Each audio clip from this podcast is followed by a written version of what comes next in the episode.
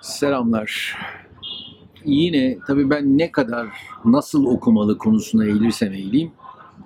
Siz ne okumalı da takılıyorsunuz ve kitap tavsiye etmemi ist- istiyorsunuz ya da yazar tavsiye etmemi istiyorsunuz. Bu en çekindiğim konulardan biri açık söyleyeyim. Öyle kitap tavsiye etmekten yana değilim. Herkesin kitabı farklı. Öyle söyleyeyim. Ben sadece yollar öneri, öneriyorum. Ama şunu anlatabilirim. Benim kitaplarım neler? Yani o çizgi romanlar falan dünyasından çok hızlı çıktım. 9-10 yaşlarındaydım. Annemin Dostoyevski'nin Budala romanını okuduğunu görmüştüm. Ee, anlatıyordu, dikkatimi çekiyordu okurken heyecanlanıyordu.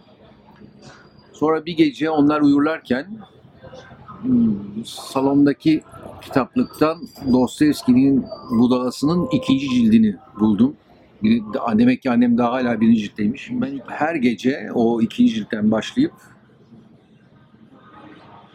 işte iki sayfa, üç sayfa okuya okuya e, bütün dünyamı değiştirdim. Öyle söyleyebilirim. Yani Dostoyevski'nin Budalası benim hayatımı baştan sona değiştiren kitaptır, romandır. Hala Prens Mişkin'i ve Natalya Filipovna'yı çok ayrıca severim. Atları geçtiği zaman heyecanlanırım falan ama artık Dostoyevskici değilim. Türk entelijansiyası Dostoyevskicidir. Dostocudur yani. Kendi adına söyleyişle. Ee, Ben bu meşhur ayrımda Tolstoy, Dostoyevski ayrımında uzun bir zamandır belki yaşlılıktan evet ihtiyar Tolstoy'u her zaman daha tercih ediyorum.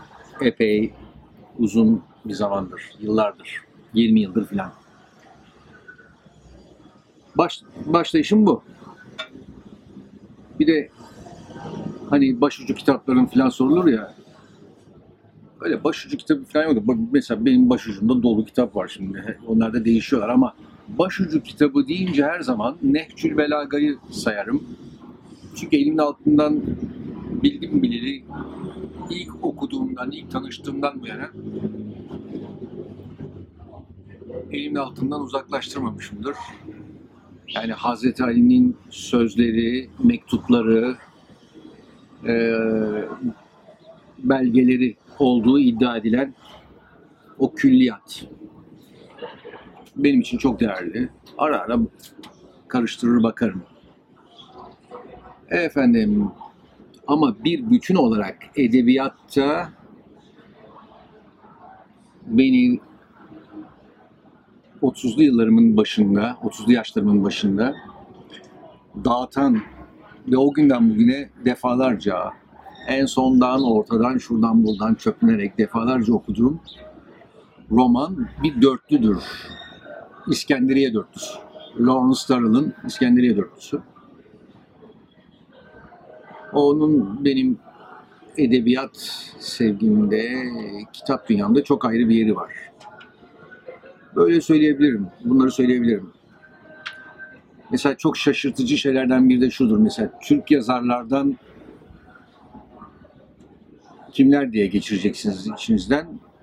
Yani çok yakın dönem genç yazarlarıyla pek şeyim uyuşmuyor. Ben Refik Halitçiyim. Artık bunu bilmeyen yok. Refik Halit'in sürgünü, Gezi'nin kızı ve o kalın tefrikası Nilgün benim için çok satar ve hafif bir roman türü değil, tam tersine gerçek bir başyapıttır Nilgün gerçekten bir başyapıttır. Ama yine beni çok etkileyen hani derseniz çok sevdiğim, şu yaptığım, bu yaptığım, çok önem verdiğim, şunu mutlaka okuyun dediğim kitaplardan bahsetmiyorum. Beni hayatımda çok etkileyen kitaplar dediğim zaman ve bir Türk yazardan söz edeceğim zaman belki şaşıracaksınız ama Mehmet Eroğlu'nun Yarım Kalan Yürüyüş adlı romanı neredeyse eşsiz bir yere sahiptir. Sonra efendim daha neler var? Mesela Tanpınar, şimdi Tanpınar deyince ki ben bir dönem bu Selahattin Hilavlar, Hilmi Yavuzlar o Tanpınar'ı yeniden canlandırıp bir daha baştan keşfetmiş gibi edebiyat kültür dünyamıza sundukları dönemde tam böyle gençlik dönemim falan çok sıcağı sıcağına yaşadım onu.